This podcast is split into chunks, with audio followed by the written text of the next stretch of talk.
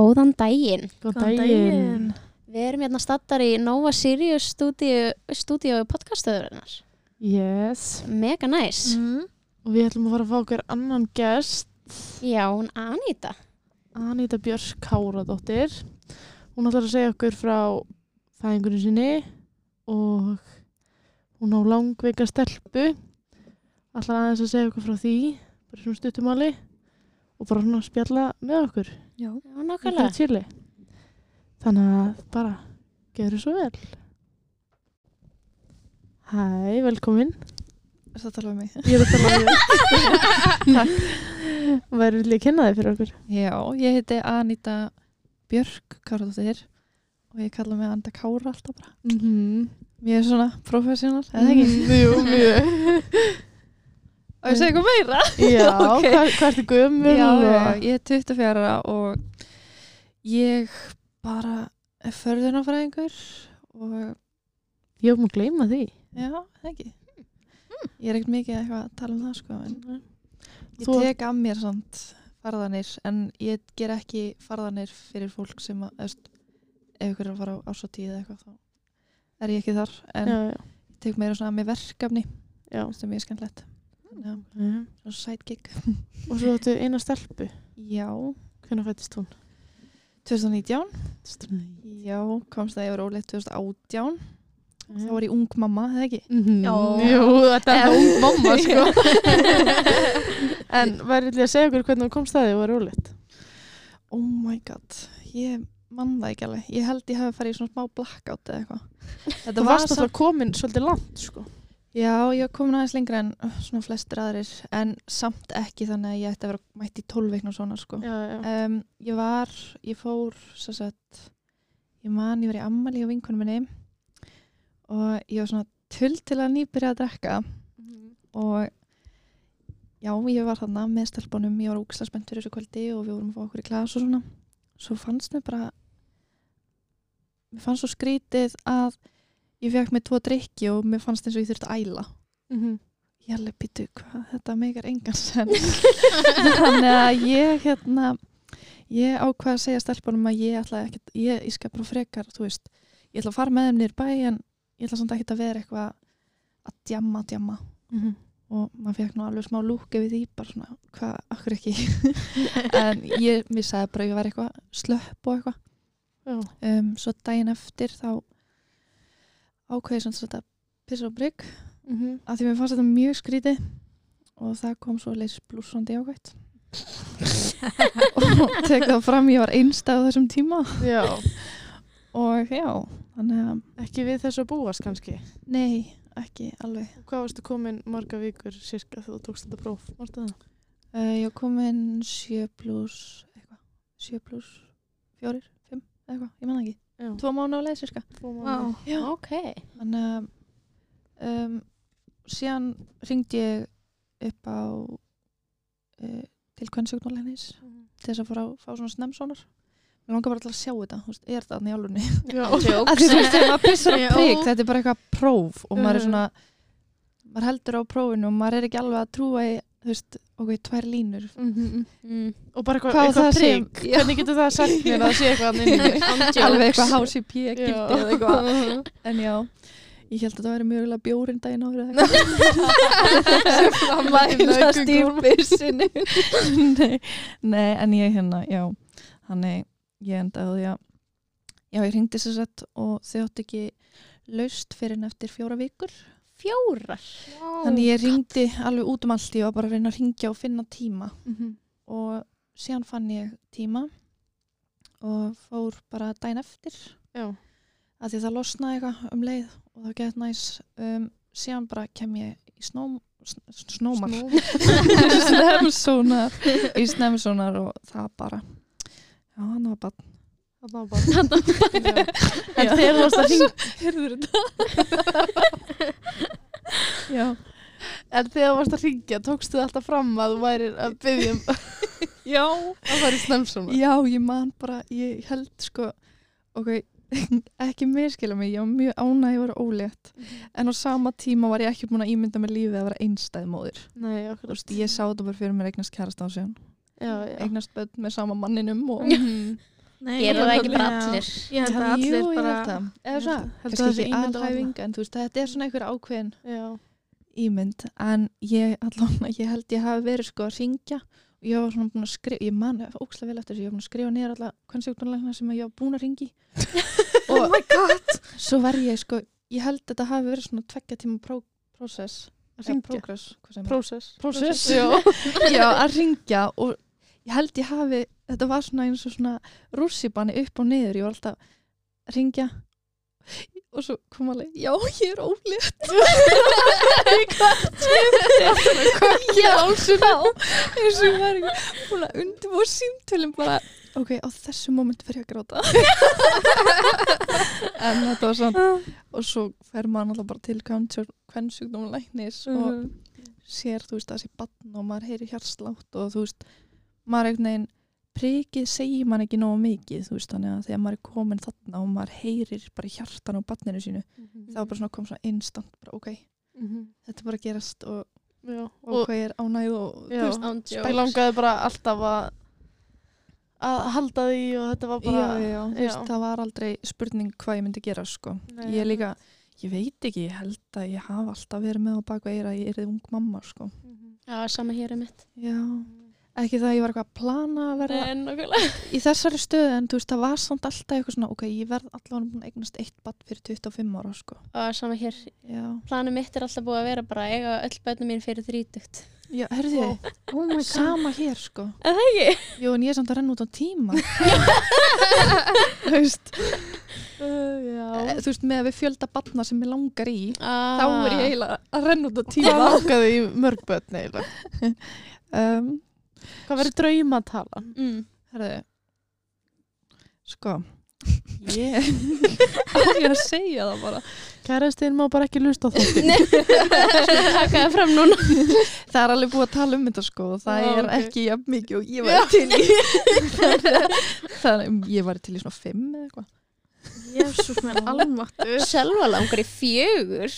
Ég, ég ætla alltaf bara í tvö og svo var ég búið Já, ég, ég er þrjú sko, það er góð tala. Já, já, ég er eiginlega Það passar í bílinn og svona. Já, Já. það er það sem ég hugsaði ef ég ætla að eiga þetta fyrir þrítugt þá þarf ég sko að skipta þessu að það komist í bílinn að maður sé ekki á okkur um sjömanna ég er ekki að gaggrina sjömanna bíl Nei, er strumpastrætó. En ok, sko, það fer alveg vel eftir á hvernig bíl þú ert, sko. Eða svona Mm. rúbröði frá Volkswagen. Oh my god. Rúfröði Já. Ég ekki hvernig bíl bara- þú tala um? já. Nei, Það er eins og komið nýr svo leið.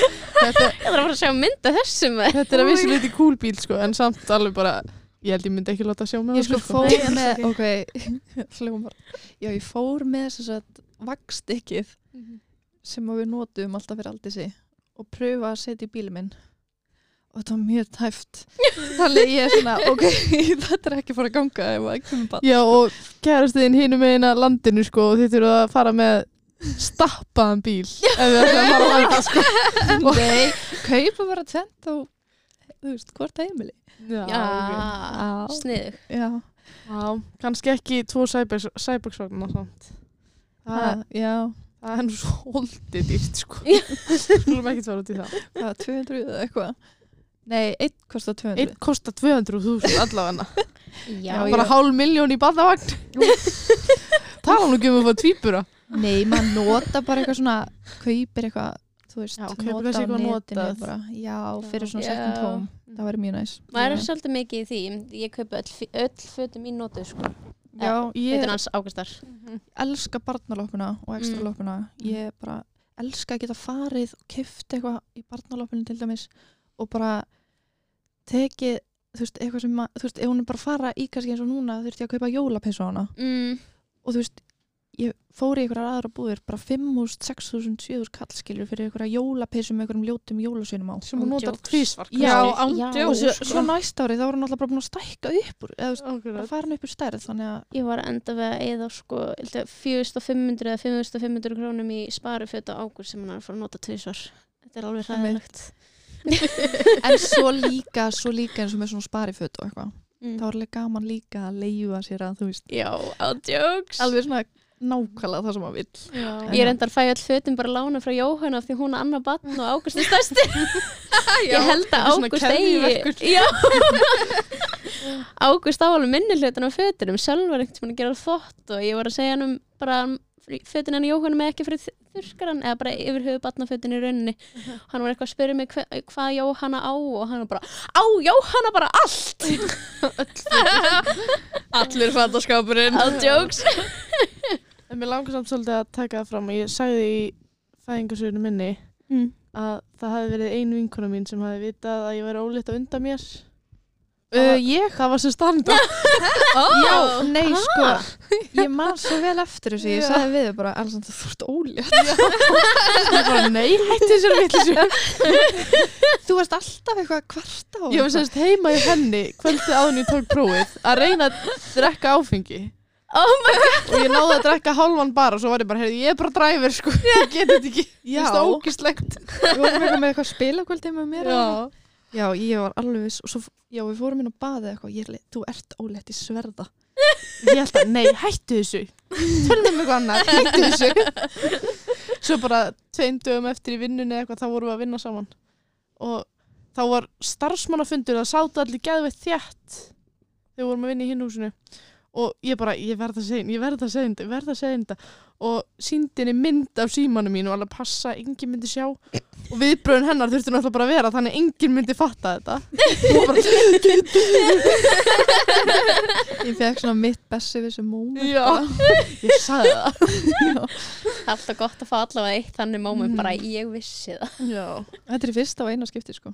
sem þú hefur vitað. Já, ég held að hafi bara verið út að við vorum svona, eða þú veist, við erum svona ánar, skilur, ég bara svona, mm. var eitthvað í kringu þig, ég bara fann það. Já, ég var líka búin að vera eitthvað ólík sjálfur mér þannig að Það er svo jokes það var Anita og sýstir Ragnars sýstir Ragnars var búin að spyrja mig sko síðan áður en ég var þetta ólétt. Oh my hún god spurði mig bara einu sinni viku í svona fimm vikur ég bara hættu þessu. Er það ekki okay. Oh my god, ég reyndar, ég er sjálfur búin að vera að minna mig á nokkra sinnum og núna mann ég loksins eftir, ég þarf eiginlega að leiðrétta eitt í fæðingasöguna minni. Það er sem sagt að þegar það er verið að nota sáklukku þá f- er það ekki akút og þá fyllist herbergi ekki fólki en af því að Ágúst lendi axlaklemmu já. þá þurfti herbergi að fyllast af fólki og þá var það Mm. akút. Mm, já, En- þú sagðir að það væri akút yfir sáklukkunni Já, ég gerði það óvart, ég myndi hitt. já, já, ekkert mál, það var allavega búin að leirist Já, nokkulega, ég var svolítið út úr því þannig að enginn fyrir það ég mandi ekki. en enda Já. það er verið að klæða þessi svo kallt hérna líka ég var eitthvað að leita vellingunum mínum. Alexandra situr með teppi sko. segir þú með dúnúlpuna í fótunum Og þú í flýsbökkum. Já. Já, og lúppissu sko Oh my god, sko. Það er rosa kallt yfir því. En hann að væri til að segja okkur svona hvernig var meðgangaðinn? Var hún... Um, sko, ég fann eiginlega bara ekkert fyrir því fyrst. Nei. Það var bara, sko, ég held að ég hafi verið með eitthvað smá geðsveiflur. Ég Já. veit það samt ekki. Ég átti náttúrulega ekki maka sem að var eitthvað hreinskili við mig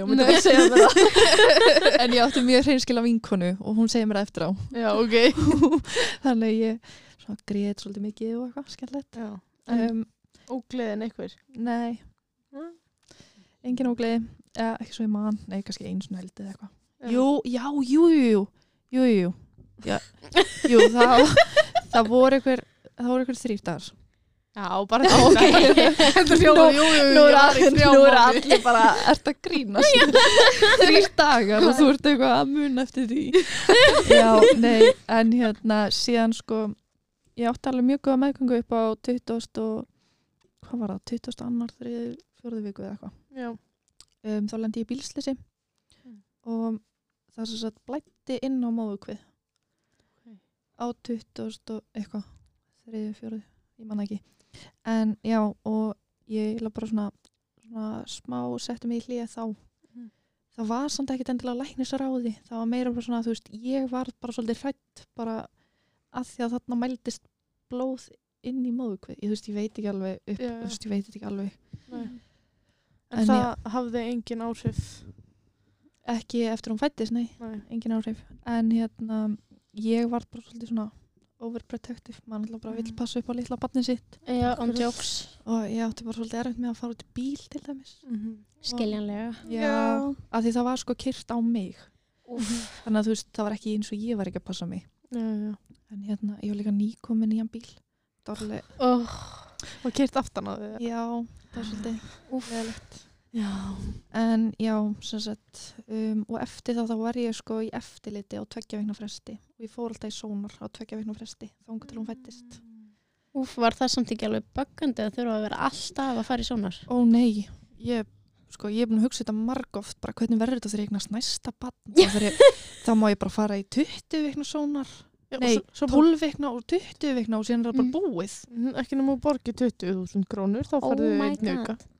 Ég reyndar, Er ég það komið í... upp í 20.000? Nei, ég veit ekki hvað það er á spítalanum. En Nei. Ég, fór 15 í, ég fór í 3D sjónar hjá nýju líf En sko, og það var 20.000. Já, en þú náttúrulega borgar fyrir 12 vikna sonarinn. Já, hæ? Já, ef þú vilt fara í hnakkaþyktamælinguna það. Já. Já. það er eitthvað 12 skall eða eitthvað. Já. Og borgarinn ekki fyrir sónarinn sjálfan en þú borgar ef þú vilt fá nakka þetta með líka. Já. Sem að maður veginn, Ég, ég veit ég- ekki, ég ég, man bara að það gerir alltaf það. taka það. Já. Myndur alltaf taka? Ég er nefnilega að hugsa Mm. núna eftir að ég er, þú veist, að því ég á mitt einstaka bann. Mhm. Það hugsa ég bara að þetta skiptir ekki máli. Eða þú veist, Já. auðvitað vil maður vita ef það er einhverju genagallar eða eitthvað svona, en Mm. er ekki hann að nakka Nakkaþyktin- mæling, er það ekki upp á dánshelkina að gera? Jú. Já, þú veist, maður hefur kynst þessum krökkum sem eru með dans og eitthvað. Lindar. og mér finnst þau bara, ég myndi aldrei það myndi ekki breyta neinu skilju auðvitað mun að Yeah. breyta framtíðinu fyrir barnið mitt Mhm. mm -hmm. það mun vera öðruvísi líf sem barnið mun að eignast Mhm. en aftur á móti það mun ekki breyta neinu hvernig meðganga mín verður Já, þannig að þú veist ég veit ekki, en auðvitað ef það er eitthvað hægt að grípa inn í ef að það er eitthvað sem að nakkaþyktamælingin getur látið grípa inn í þá myndi ég gera það en það Mm. er ekki að fara að breyta neinu þannig að Það kannski gefur manni svona tíma til þess að meðtaka allt og undirbúa sig. Nákvæmlega. já, En ég veit ekki hvort að, ég veit ekkert um hvað ég er að tala, svo það sé tekið fram. Já, ég veit ekki, ég veit ekki hvort að, svo, hversu miklar upplýsingar getur þú fengið.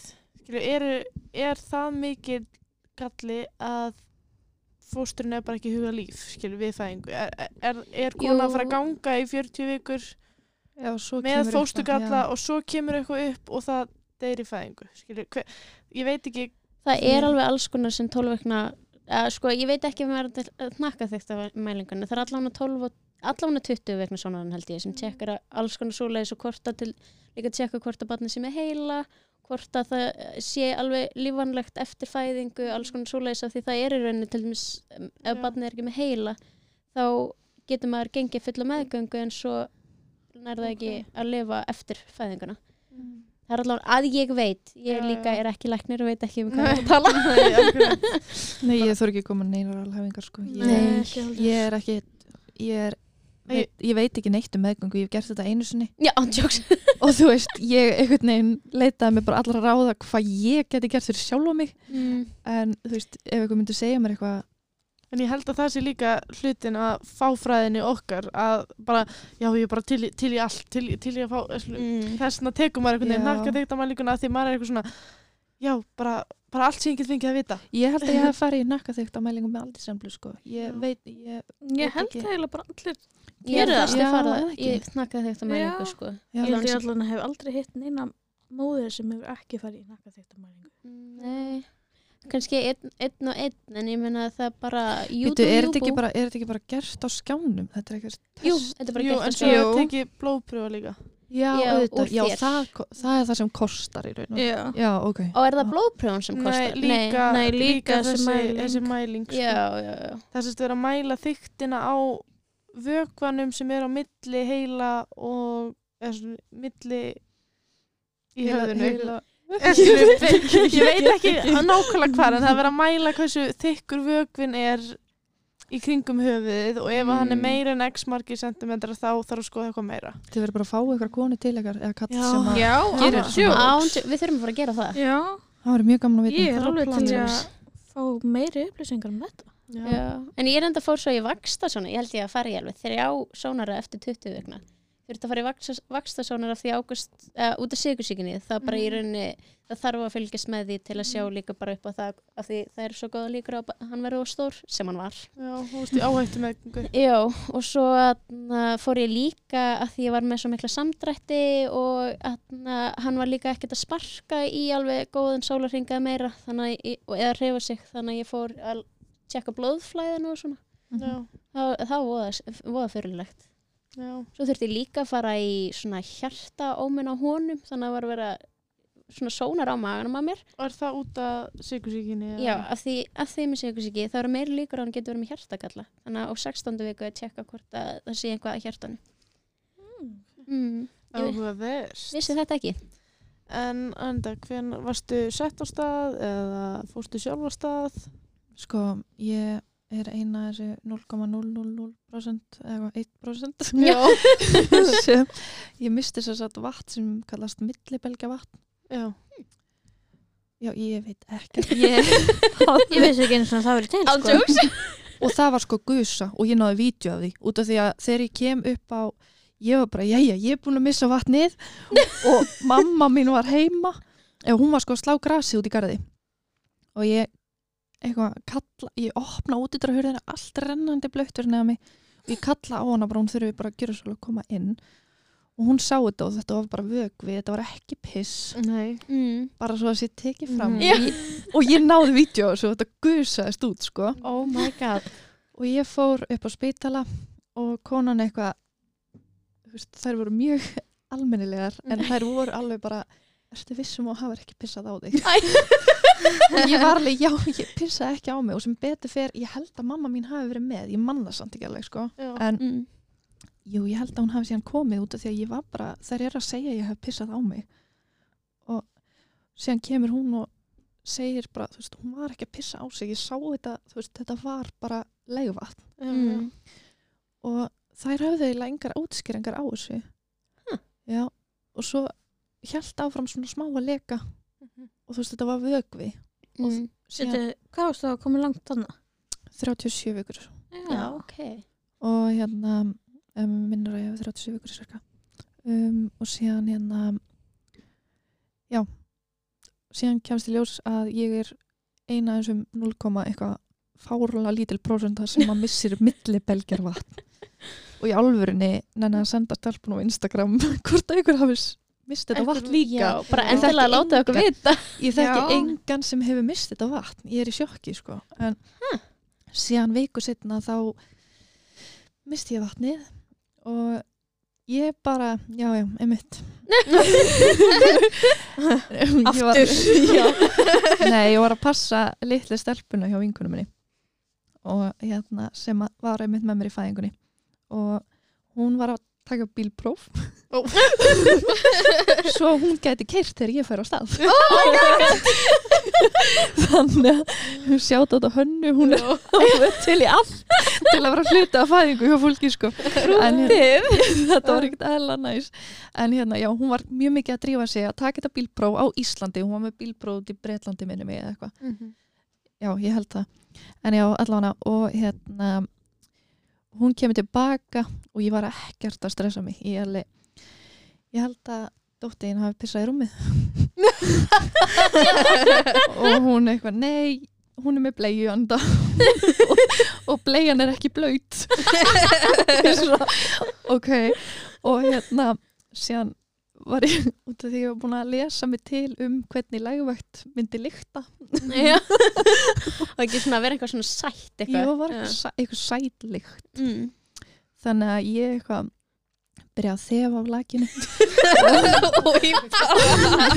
Og svo líka finna er þetta út af því að hún er svo blönd og ég sagði við hana ég held að, ég held að þetta sé lægvatn eða þá milli belgjavatn aftur.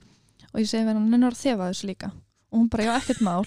Og byrjar að þefa líka. Og svo vorum við eitthvað svona að reyna að meta stöðuna hvort það væri sæt lykt að þessu eða ekki og svo kallar hún á kærastan sinn og spyr hvort það væri til að þessu. En já hann, en síðan segir hún við mig bara þú veist, ég held að þetta er alveg pottitt lægvatn og ég eitthvað, ok, flott. Svo segir hún við mig, já, og vilt að ég kom með þér upp á spítala, ég er bara neitt mál, ég skal bara fara sjálf. Svo fer ég út í bíl og keri heim og er bara heima.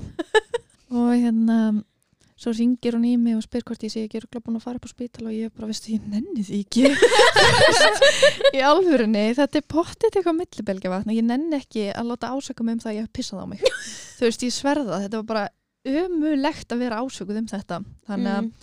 en svo fór ég upp á spítala og þetta var lega vatn Já. þannig að ég þetta var á föstudagsmorgni um, og síðan segja hann alltaf bara við mig að ég ætti að koma upp á spítala ef að ég byrja að fá almjölar hríðar Mm. um, annars ætti ég að koma daginn eftir klukkan átta eða eitthvað, nei Mhm. klukkan sjö eða eitthvað, ég man það ekki um, síðan byrja ég að fá verki við vorum að horfa á eitthvað við vorum að horfa á eitthvað svona þátt sem er svona continue þáttur skilju Við hverjir? já ég er mamma og pabbi Já, ok. já um, og ég nefndi ekki Bachelor, loka þáttina Bachelor. Oh my god. ég veit það og þetta var sem sagt uh, Vestlunmanna helgin og þá, er einhver, þá var eitthvað loka þáttur af Bachelor eða eitthvað, ég man ekki hvernig það var nákvæmlega. En allavega, þannig að við fórum við vorum að reyna að ná úrslitunum úr Bachelor en mér var bara að byrja að verka svo ógeðslega mikið. Oh my god. þannig ég var svona að reyna að þrauka og horfa og þrauka og horfa en svo, svo tók mamma þetta bara sínir hendur og sagði mér bara við þurfum að fara upp á spítala Allt er lægi þá. já, ándjók um, síðan fórum við upp á spítala uh, þetta var um kvöldið á förstu deginum uh, svo var ég í ríðum þanga til á sunnudeginum Oh my god. Oh my god. en upp á spítala samt Það er ekkert skárra. Nei, út af því að það er sko þurft að setja mig almennilega á stað um morgunin Ah. En Já, ég af því þú varst búin að missa vatnið. Þá Já. gæst ekkert farið heim aftur. nei, Já. um, þannig að þær byrju, við byrjum að gangsending klukkan 6 um morgunin um, að því að ég var bara andvaka Ah, okay. þannig að þú veist, ég var lappandi á göngunum og ég held að hafa séð hvað ég var bara svona, jæja getum við bara kikkað þessu á stað og þetta var alltaf, þú veist, það komur hríðar og síðan bara dutti ára niður og síðan allt í hennu aftur og þetta var Oh ekkert reglulegt. Alveg eins og dóttir mín, hún er ekki regluleg. Bara í, í sko rútínu, ring og eitthvað. Þetta var bara definition af krakkanum sjálfum. Þannig að Oh En my god. um, síðan uh, var já, hvernig var þetta aftur? Veistu það er svo langt síðan Langt mínum. síðan. já, hún verður er fjagra ára gangi gegnum margt síðan þá. já, kannski, kannski það að spilin í, ég veit ekki Já. en hérna já, síðan um, nótt, aðfara segir maður ekki, aðfara nótt sunnudags Jú. Svo að síðan kemur sunnudagur Já. eftir já. aðfara nótt sunnudags þá var þess að já, vinkona mín og mamma mín inn í fæðingunni á mér og þær voru að skiptast á að reyna að hugsa um mig og svona, mjög skemmtilegt. Um, síðan aðfara nótt sunnudags klugan fjögur 48 eða eitthvað, þá fættist allt í samblam og það gekk bara, eða þetta gekk mjög vel sko, ég get ekki sagt að það hafi verið eitthvað þú veist, Svolítið langt.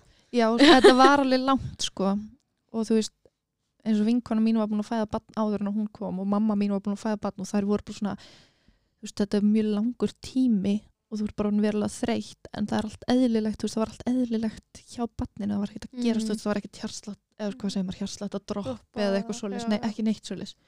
Þannig að Og þú veist, þú varst ekki klift eða notur sóklukka. ó já, ég glemdi því kannski, ég reyfna alveg verulega mikið.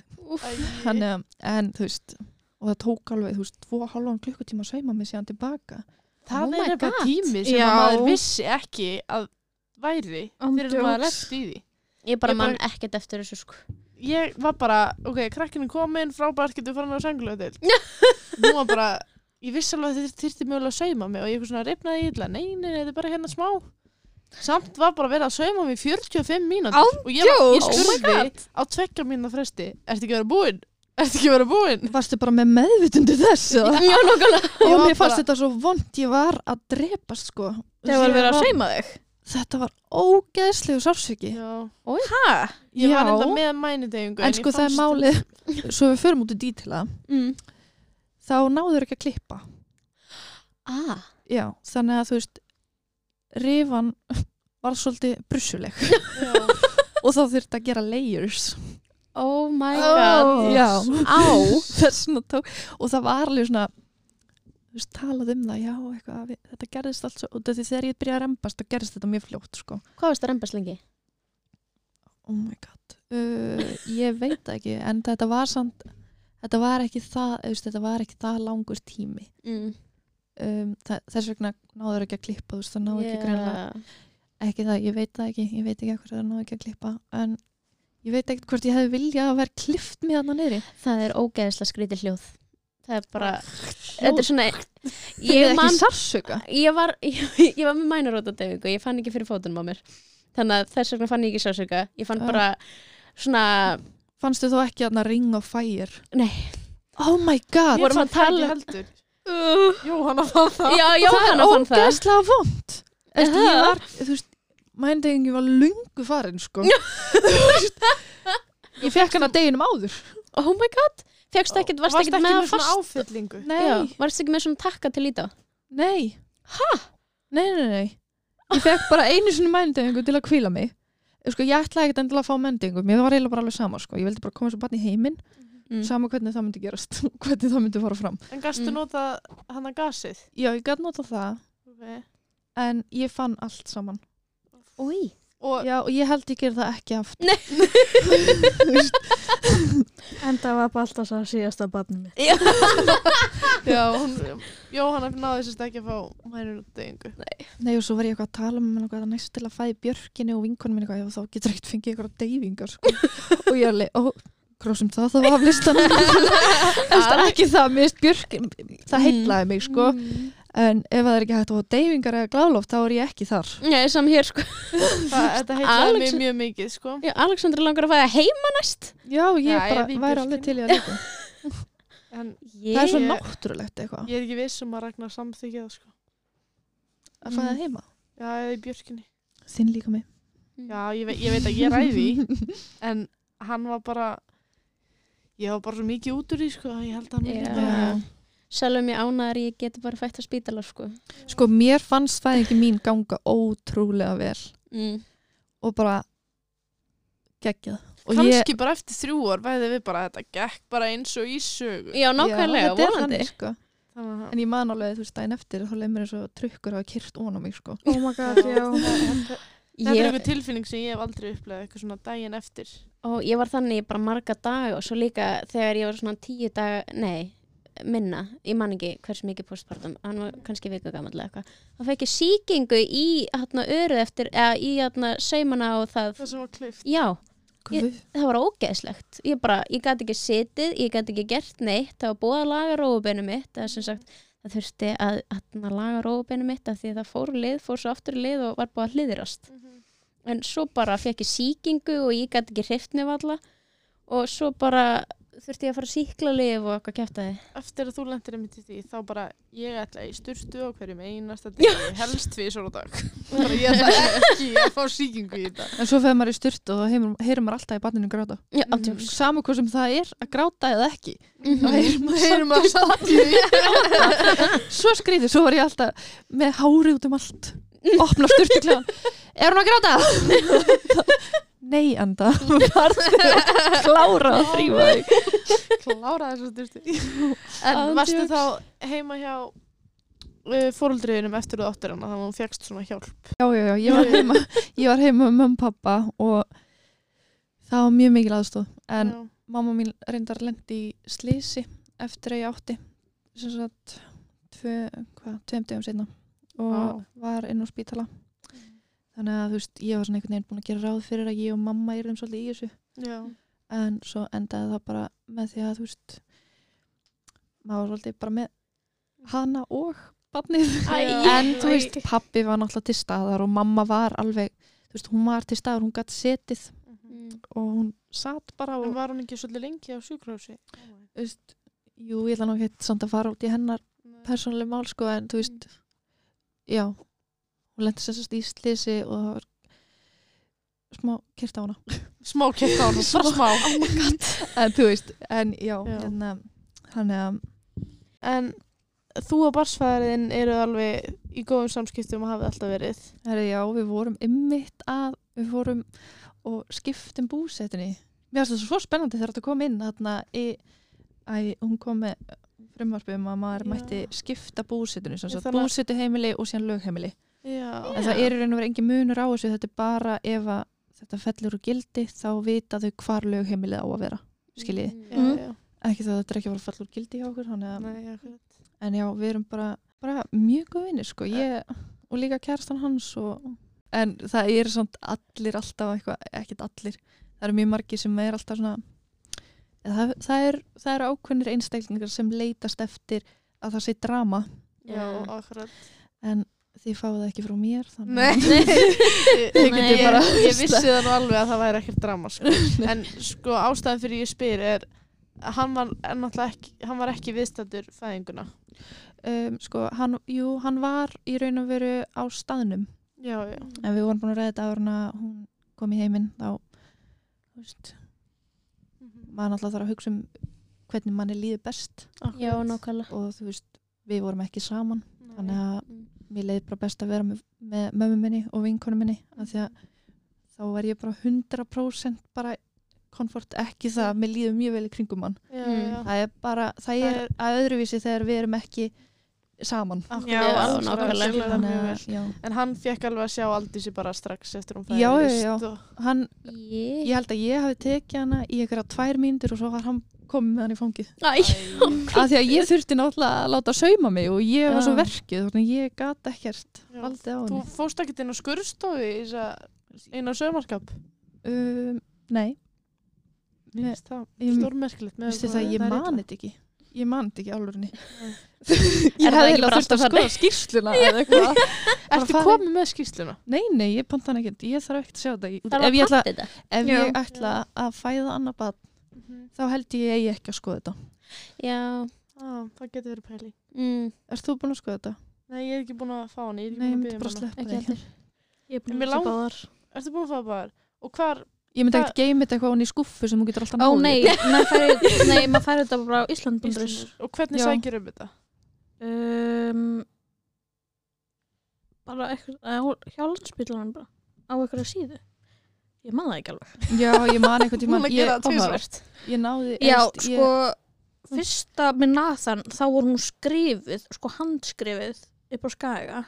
Handskrifið. já, þú veist það var bara að skrifa niður. Ég, Hvernig fættist hann eiginlega?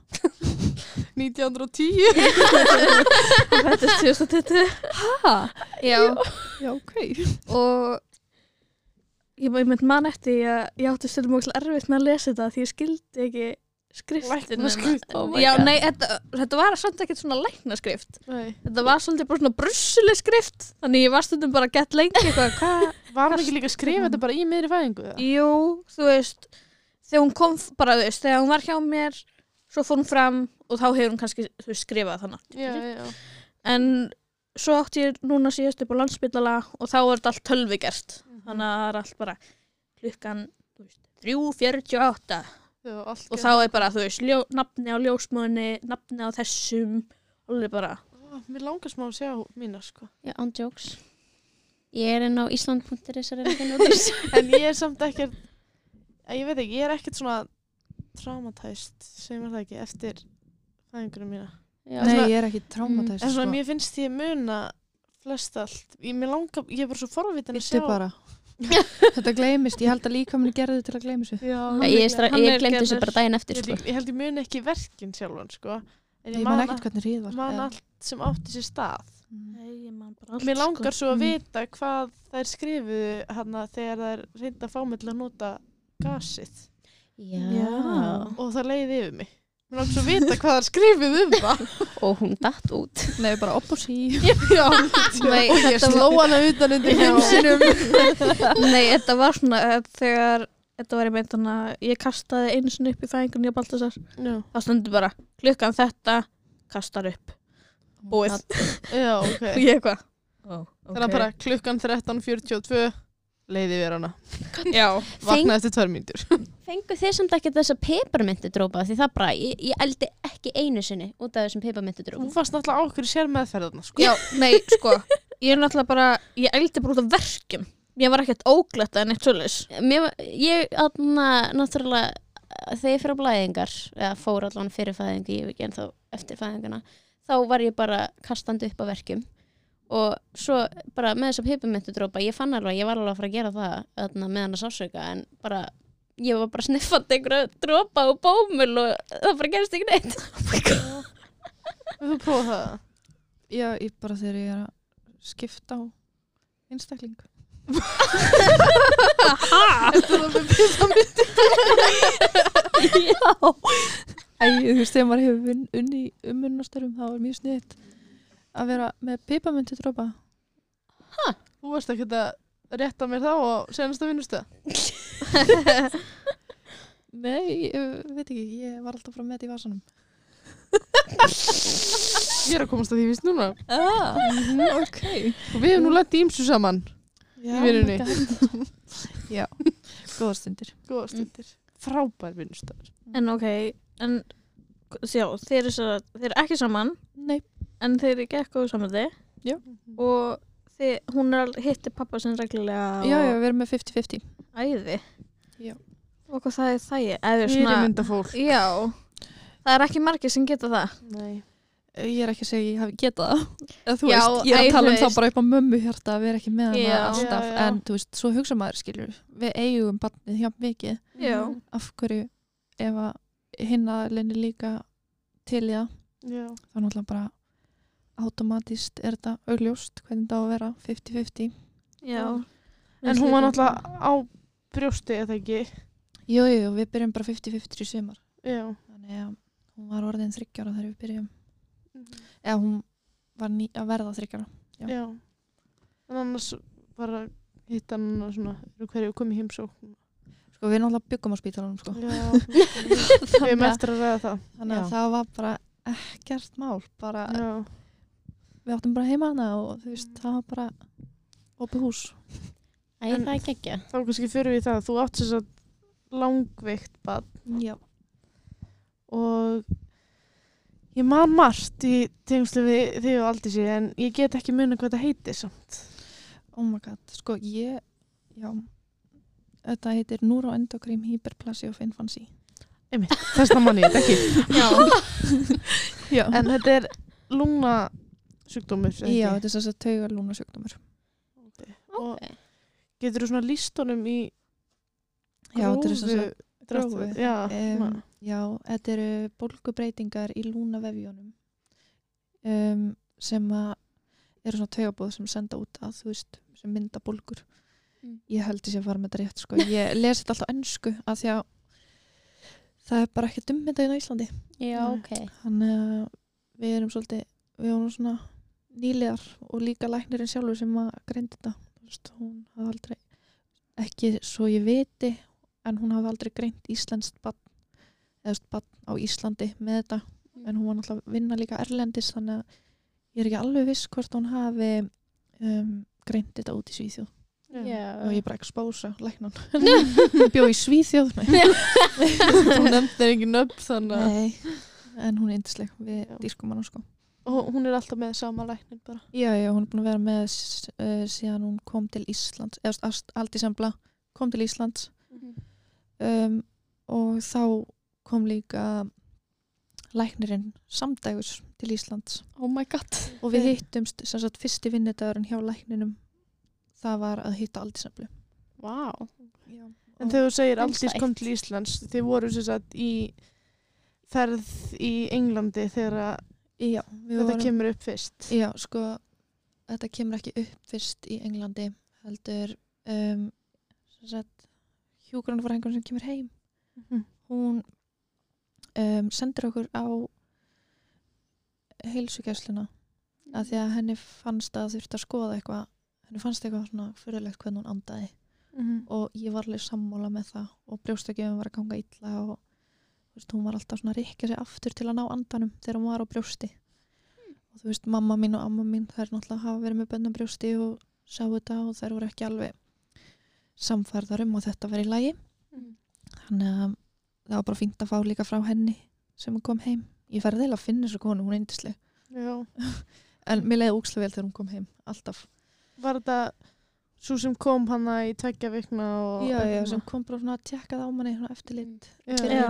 já, Mhm. Já, við erum þarna, ég, Alexandra og Jóhann erum alla þrjár með sa- Alla með sömu. sömu hjúkuna. Gaman að deila algjörst interessant. já um, og síðan hérna fórum við sem sagt upp á heilsugjærslu og heilsugjærslan sendi okkur áfram á barnaspítalan og svo fórum við á barnaspítalan og það var bara það er ekkert hérna eða það er ekkert að hérna. Og við vorum bara sendar heim. Þannig að ég held bara mínu streiki og mér fannst þetta ekki í lagi. Þannig að um, síðan eitthvað tveim veikum setna þá fór ég með hana aftur.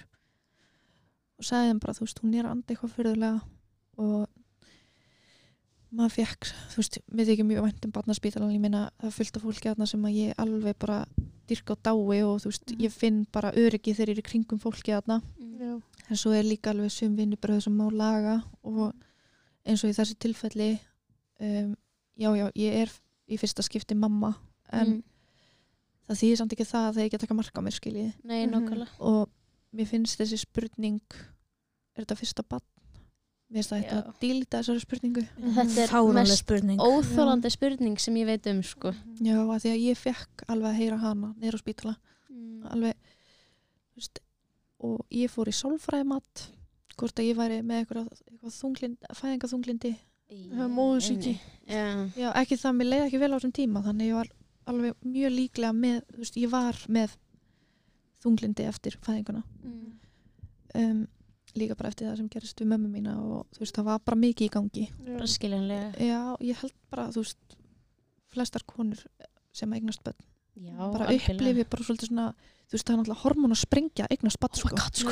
þú veist, þetta er þú veist að koma heilu lífi út í heiminn Mm. þetta er bara hormón að sprengja og Mhm. allt fyrir í gang, sko Já, og svo verður þetta ekki, dopnar þetta ekki svona almennilega fyrir en bara eftir einhverja sex mánuði.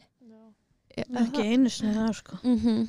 Þetta tekur líka minn heldur fast, í, sérstaklega með batanbrjósti, já, í meðgönguhormónin í alveg alltaf sex mánuði.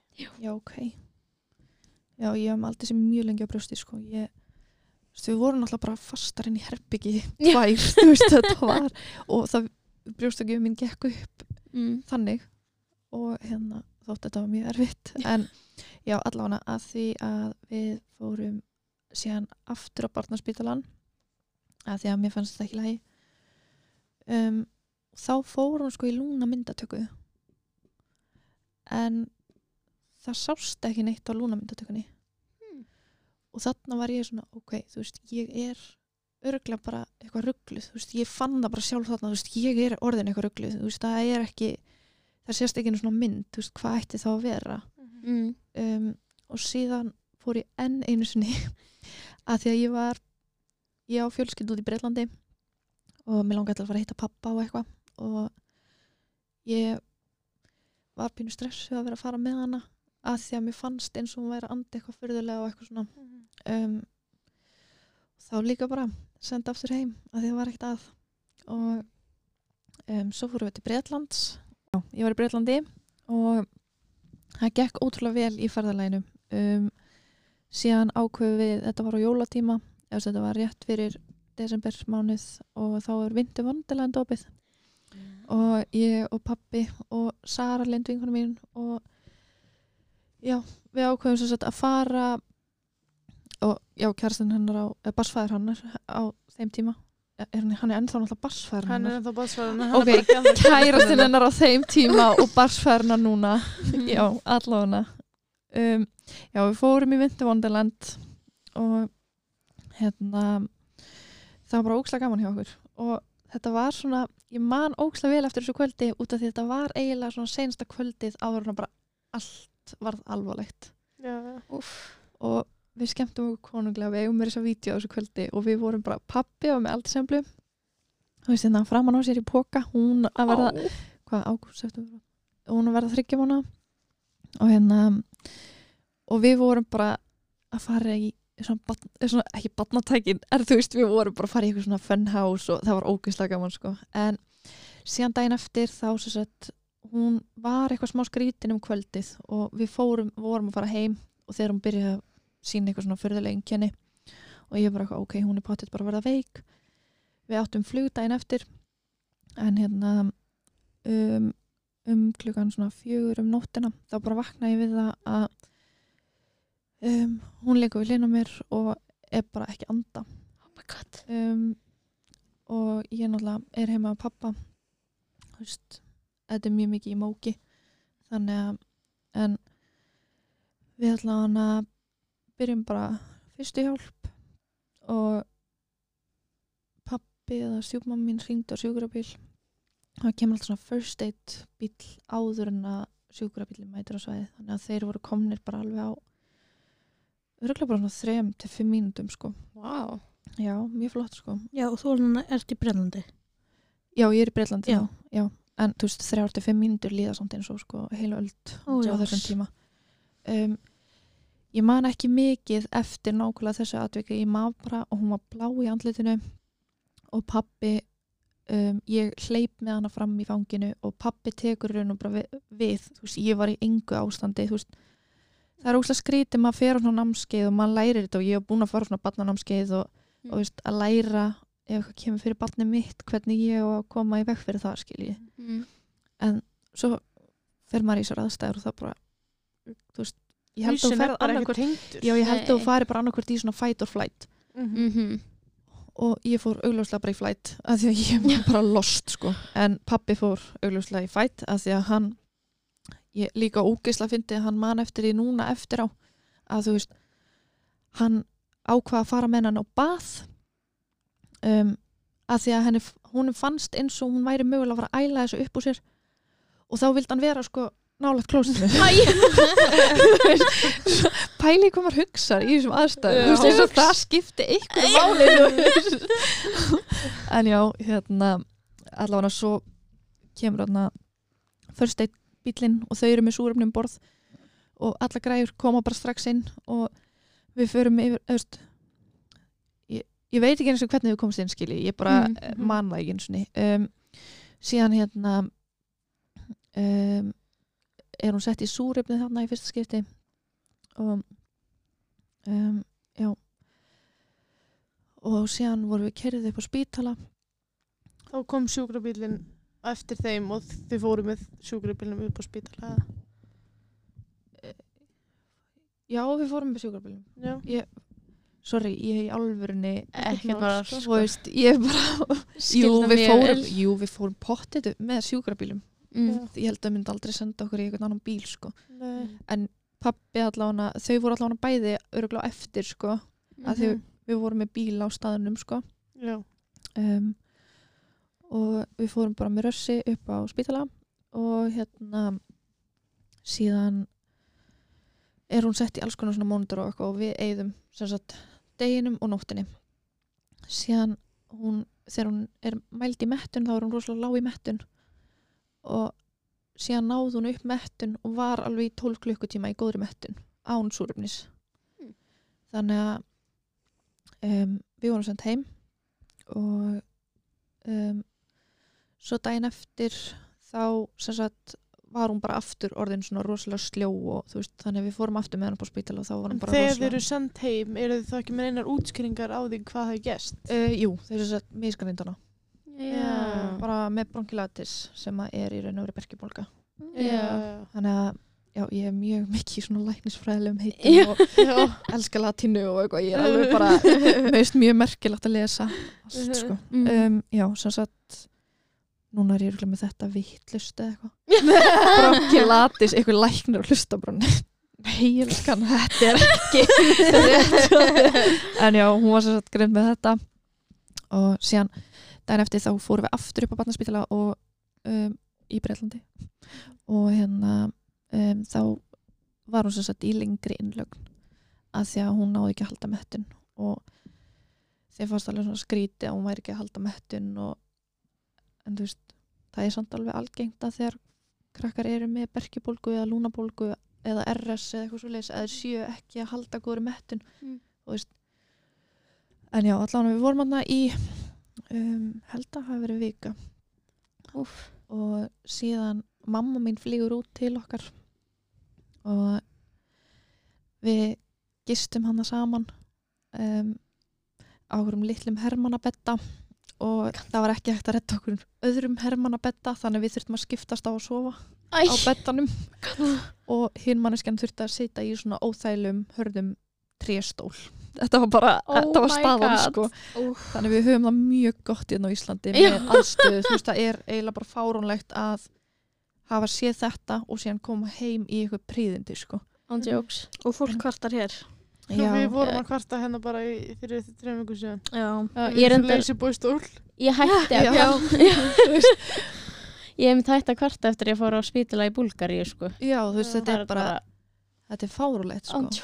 Og líka, þú veist, eins og það sem við, við vorum að upp, veist, það sem við vorum að sjá hérna úti, sko, það var eitt skipti, veist, við vorum eitt af þeim fáum sem að fengu sér herbyggi Vá. síðan voru hinir með svona gang og það voru bara svona á milli, þú veist, svona tjöld á milli Mm. og bara fullt af börnum og náttúrulega börn gráta.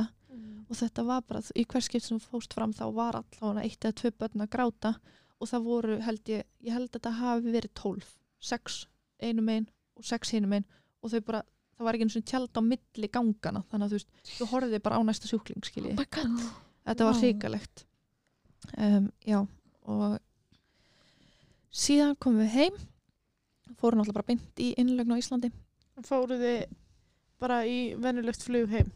Já, við fórum sko í venjulegt flug en það var samt, þú veist, það var alveg samskipti á milli, þú veist, það var, ég fekk eitthvað pappir til að láta flug, flugliðan að vita og þú veist, Mhm. það var alveg svona passa vel utanum þetta skilji. Mm. Um, við fórum síðan heim og við náðum samt að gista tvær nætur sko hjá pappa mínum, Mm. ég, mamma og allt í sambla áður en við fórum til Íslands. Um, já, svo erum við komin á barnaspítala og þá tekur einn indislegasti maður sem ég þekki á mót okkur á barnaspítalanum og við förum bara strax í innlögn og vorum þar alveg já uh, Sex mánuði. sko þetta var þannig að við fórum komum í byrjun desember og við útskrifumst fyrst í mars þannig að það er desember, janúar, februar, mars fjórum mánir síðan fórum við aftur inn í mars. Útskrifumst svo í april þú veist þetta var svolítið mikið svona Inn og út. inn og út, Mm. inn og út. Og þetta var rosa mikið bara svona jójó og eitthvað. Já, ok. um, en það var bara út af því þú veist þegar, þegar hún var slæm þú veist, svo vorum við náttúrulega líka bara fóreldrarnir að læra á þetta þú veist. Við vissum að hún væri að fara að vera í high flow sem er vel sem hún er í Mm. þú veist, við vissum hún reyndar var ekki fyrst í high flow, hún var fyrst bara í súrefni og síðan hérna fór hún í aðgerð og endaði hann á gjörgæsli og eftir það þá þú veist, eftir að hafa búið að taka hann úr öndunarvilni þá var hún sett í high flow og hún náði aldrei að komast aftur bara á súrefni þannig að Mm. Já, um, þannig að hún er all, alltaf bara með svona í uh, glerugun Já. um, nei, hún er nefnilega hún var það fyrst sko Mm. eftir að við útskrifumst þannig að ykkur tíman 2020 Já, um, hún var fyrst alltaf með súrefni. Síðan fór það yfir í kannski langt fram eftir mótni og síðan aftur í blundinum. Svo kannski tók hún mögulega annan blund þá var hún líka í súrefni. Og síðan bara þegar hún fór að sofa fyrir nóttina skilji þannig að þú veist hún var kannski að sleppa svona fjórum tímum á sólarring en svo náttúrulega eru glerugun límd á hana þannig að maður var kannski ekki eitthvað mikið að taka glerugun af henni því að þú veist húðin bara höndlar það ekki vel Nei, en eins og nú í dag þá erum við með hana í súrefni bara á nóttinni og síðan í daglórnum og hún er í hæfló á nóttinni og bara venjulegu súrefni á daginn Geggjað. Þegar hún er ekki veik þar. Já. já, þegar hún er ekki veik en svo koma líka dagar sem hún er bara í hæfló Mhm. eða Ok, kannski súrefni á daginn getur þér úrskipt fyrir mér high hvað flow high flow Já, er? sem sagt- þetta er sem sagt þannig að þetta er sett upp sem sagt í lítrum og þristing Okay. og lítrarnir er súrefni og eins og þegar að fólk er með venjulegt súrefni þá er það með lítratal og þá sýnir það hversu mikið af lítrum og súrefni það er að streyma inn í líkamann Okay. þannig eins og um, þú veist, ef þú segir 1 lítur af súrefni þá er hann að fá 1 líters flæði af súrefni inn í líkamann en þristingur þá í raun og veru hversu margir lítrar þrista loftinu inn súrefninu inn. Já. að því að hún þarf í raun og vera að því að hún er að anda þannig að það þarf að gera svona high flow therapy eða high flow therapy eða hvað sem maður segir Mhm. þá sem sagt um, þarf að þrýsta súröfninu sem er verið að gefa henni inn í líkamann þannig að þú veist eins og hún er kannski með 12 lítra þrýsting en bara 3 lítra af súröfni þá er sem sagt 12 lítrar sem er að þrýsta inn 3 lítra, lítra súröfninu Vá. þannig að Er þetta bara því að þegar hún er með vennileg súrumskriru já, þá er þarf hún að anda súrumninu niður í Já. lungu en þessi þrýstingur gerir það verkum að þetta fer hún í lungu. Já. Já.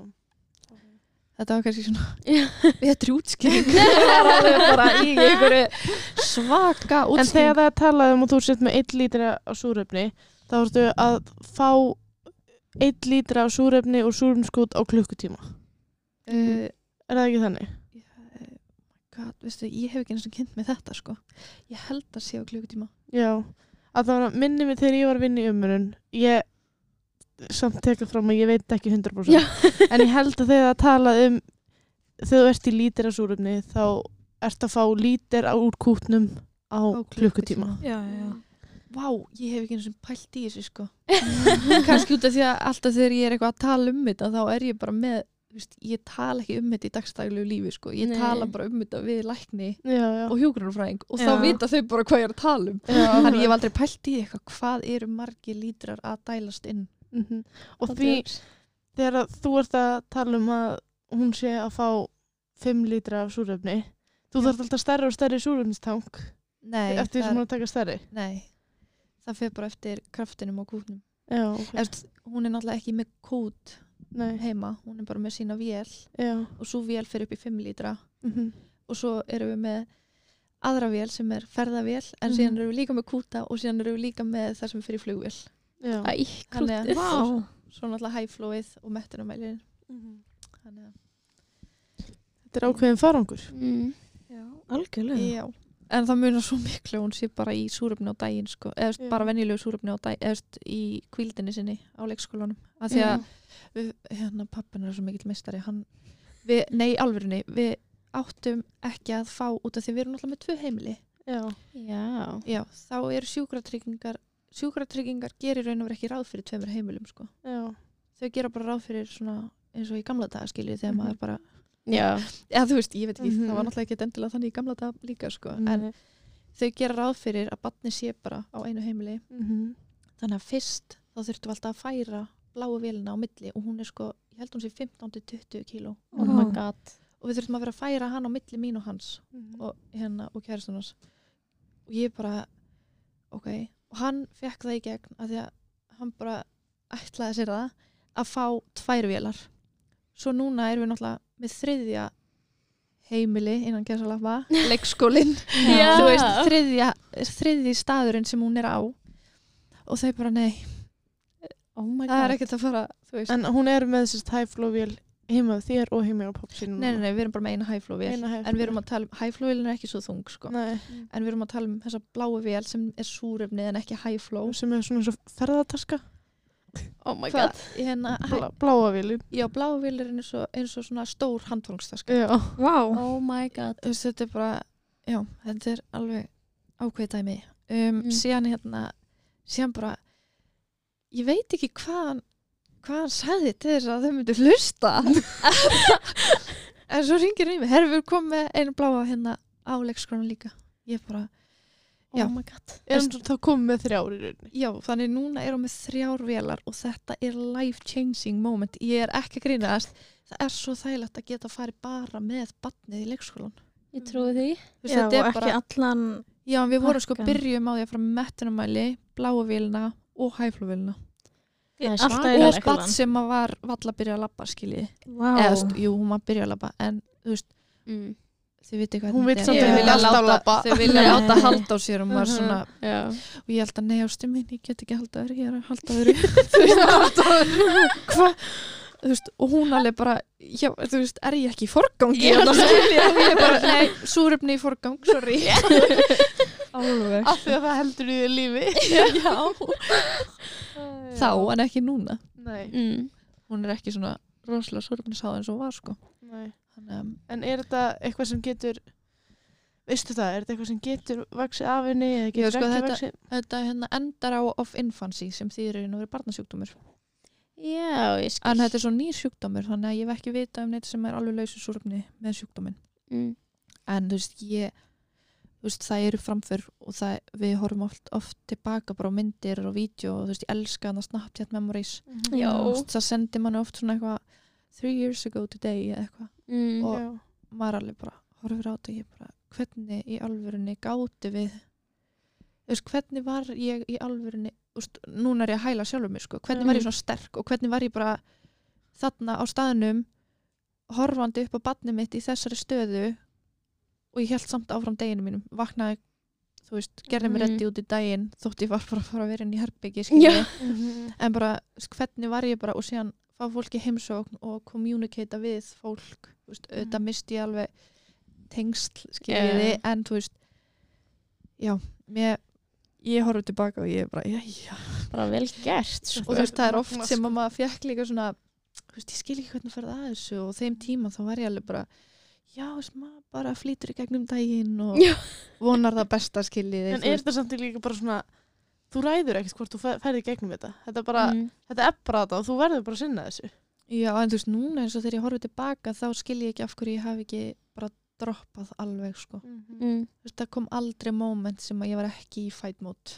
Akkurat. Það er ótrúlegt hvað mömmu líka minn og heilin getur gert. Já, Ég- að ég held svona, ég held í álfurinni að mömmu líka minn bara uh, fari í eitthvað svona bara, hvað það er bara, barnið einhvern veginn er alltaf bara skiptir um ham. Já, en hefur, ferði hefur aldrei fengið fengið þetta einhvern veginn svona í baki þar sem hefur bara bara sigruð.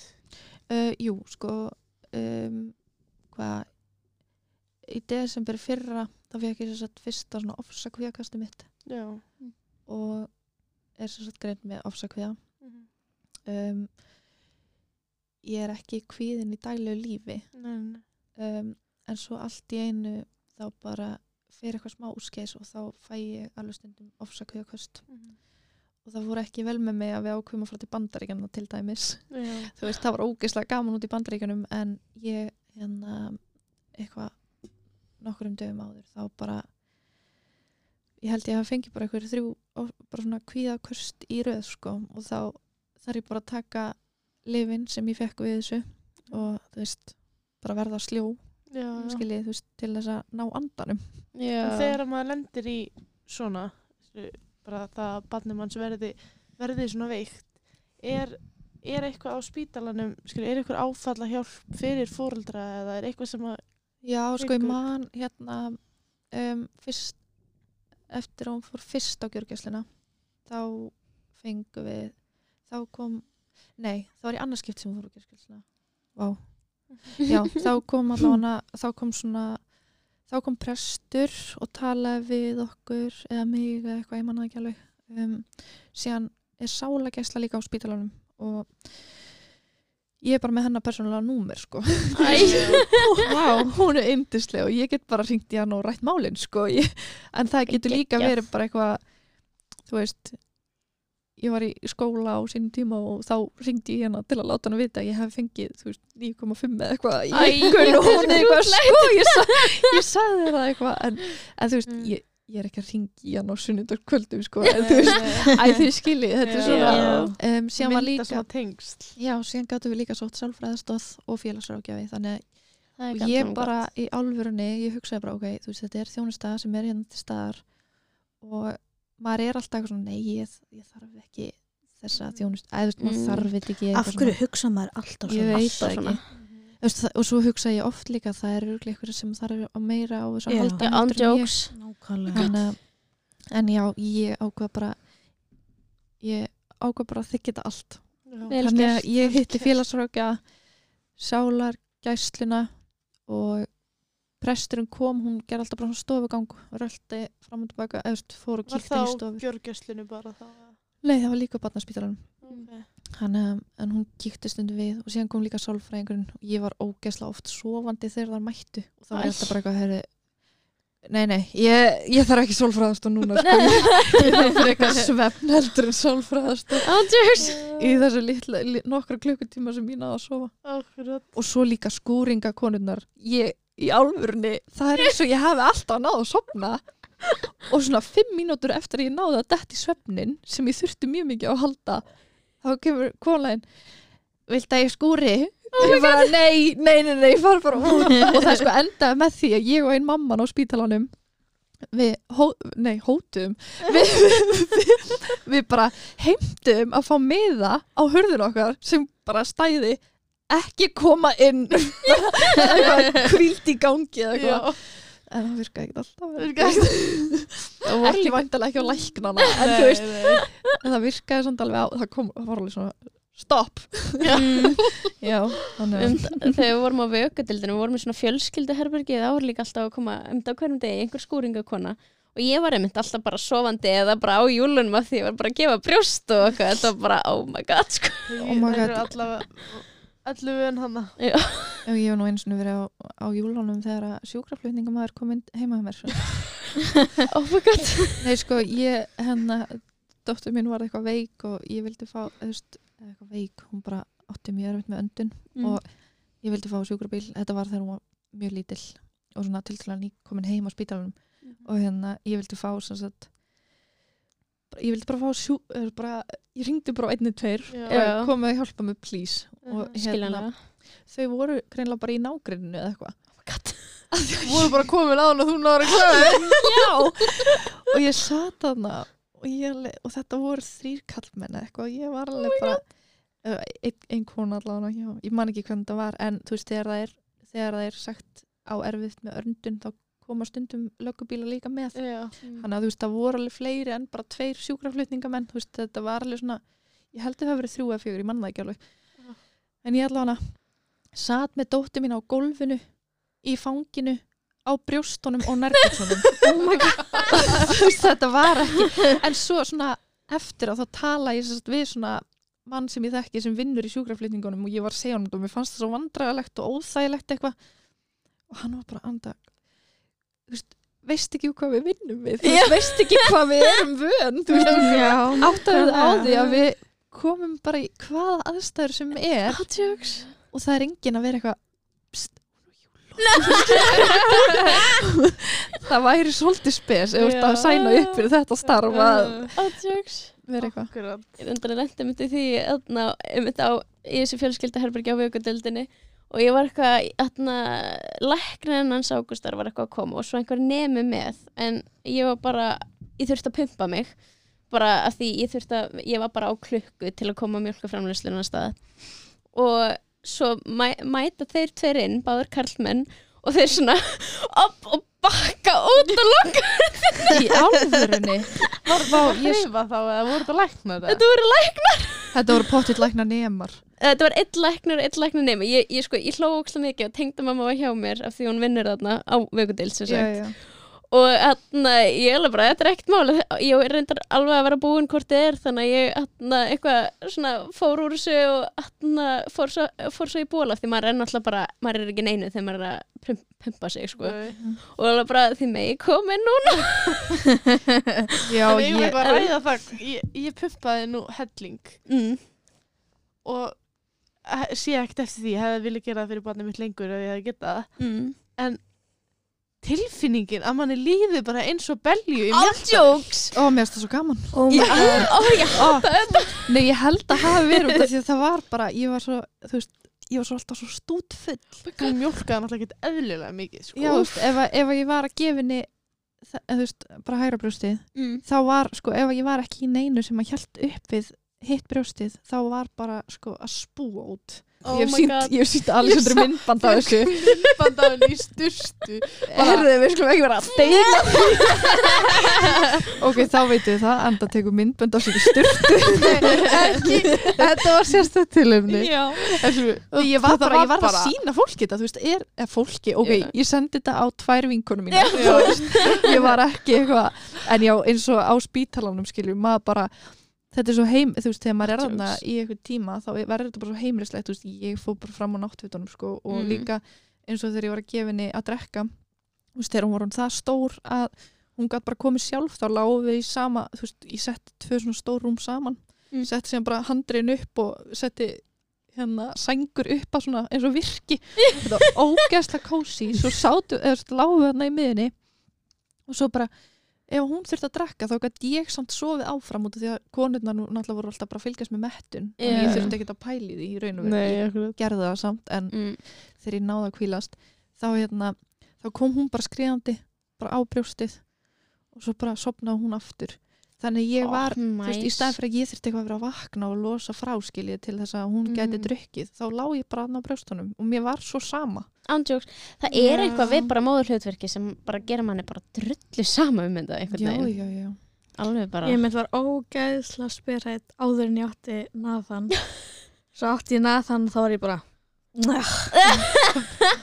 ég held að ég sé óspyrhættasta vinkuna þín. Alveg pott. hún kemur í heimsson og ég er svona já, ég klæði mig, fyrir bara úr og klæði mig. Mæti mann á sloppnum bara, ég þarf að í futt. Ég er þetta bara alveg eins. Ég fer í, fer í heimsók til Alexander eftir æfingar og fer bara í styrtu hjá henni, sko. Það gæði næst. Ég veit, við svolítið út og þurftum að taka smá pásu. út á hverjum Það það var já. En við eigum svo sem ekkert eftir. Nefnum að þú vilja bæta ykkur við. um, Vá, þegar maður fær þessa spurningu þá er maður svona Það varum alltaf kæftstopp. En ég hefur örugglega, svo kem ég heim á eftir og það er eiginlega, ó, ég tala ekki um þetta Mm. En þú veist, ég er náttúrulega svona markmið mitt bara í lífinu er til dæmis að bara dreifa því að Vá, ég veit ekki einu sem hvernig ég á að koma sér í orð en Mm. eins og dóttir mín er til dæmis hlut af einstökum börnum. Mm og þú veist eins og bara í dag skilur þá kom póstur inn að Húra Reykjavík var að styrkja einstök börn. -hmm. og þú veist, það er svo margt sem er gert gott fyrir þessi börn. Og þegar maður hefur sjálfu verið í þessum sporum þá hefur maður óskaðis áður en að maður hefði verið í þessum sporum að maður hefði geta gert meira. Og það er ekki endilega bara peningur sko, það er bara að bjóða fram hjálparhönd og þú veist, ef þú kannt að brjóna eða þú veist eins og vökudildi núna til dæmis að auðlýsa eftir kolkrabum Já. og? Ógeðslega Já. sætir kálkrabbar. Já, þannig að þú veist mitt markmið í lífun er bara líka að þú veist, dreifa dreifa Þessum bóðskap bara, bara. bóðskapnum að Mhm. þú veist þessi einstöku börn og bara börn með alls konar Mm. sem að hafa kannski ekki alveg sömu lífstækifæri og aðrir krakkar bara ef þið hafið eitthvað sem þið getið gefið af ykkur þá endilega gerið það Mhm. Nákvæmlega. Einstök börn er náttúrulega frábært félag sko. Já, og líka, hérna, líka Mia Magic ég Já. var hluti af Mia Magic fyrst Mhm. síðan var það bara aðeins svo erfitt fyrir mig að vera í því eða ég var, ég var í öllu sko Mhm. svo einmitt er ég greindist með hann ofsakvíða og þurfti ég líka bara svona smá að taka skrif tilbaka og Mhm. ekki vera að hugsa um alla aðra Já. af því mér langaði bara að geða upp mikið til að að hjálpa öllum. Já, ég var bara, ok, hvernig getum við undirbúið páskagjöfuna í ár fyrir barnaspítalan ok, þetta verkefni, þetta verkefni ég var alltaf bara sjáum samfélagsmiðla fyrir einstök börn og sjáum þetta og þú veist, sjáum samfélagsmiðla fyrir, eða hjálpa með samfélagsmiðla á hérna hjá Mia Magic en þú veist, þótt ég sé ekki lengur að því þú veist, að sjáum samfélagsmiðla hjá einstökum börnum og Mia Magic, þá er ég samt alltaf veist, þetta er það sem ég bara, Stendur fyrir. já, stend fyrir Innan og, handar.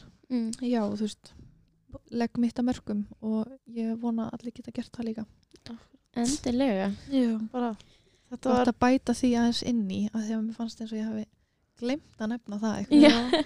Senda út jákvæðan boðskap. Já, einmitt. Þetta var eiginlega bara fullkomið við að bæta hérna í. En bara takk kærlega fyrir að koma á og segja okkur söguna þína. Já, Já. takk fyrir það.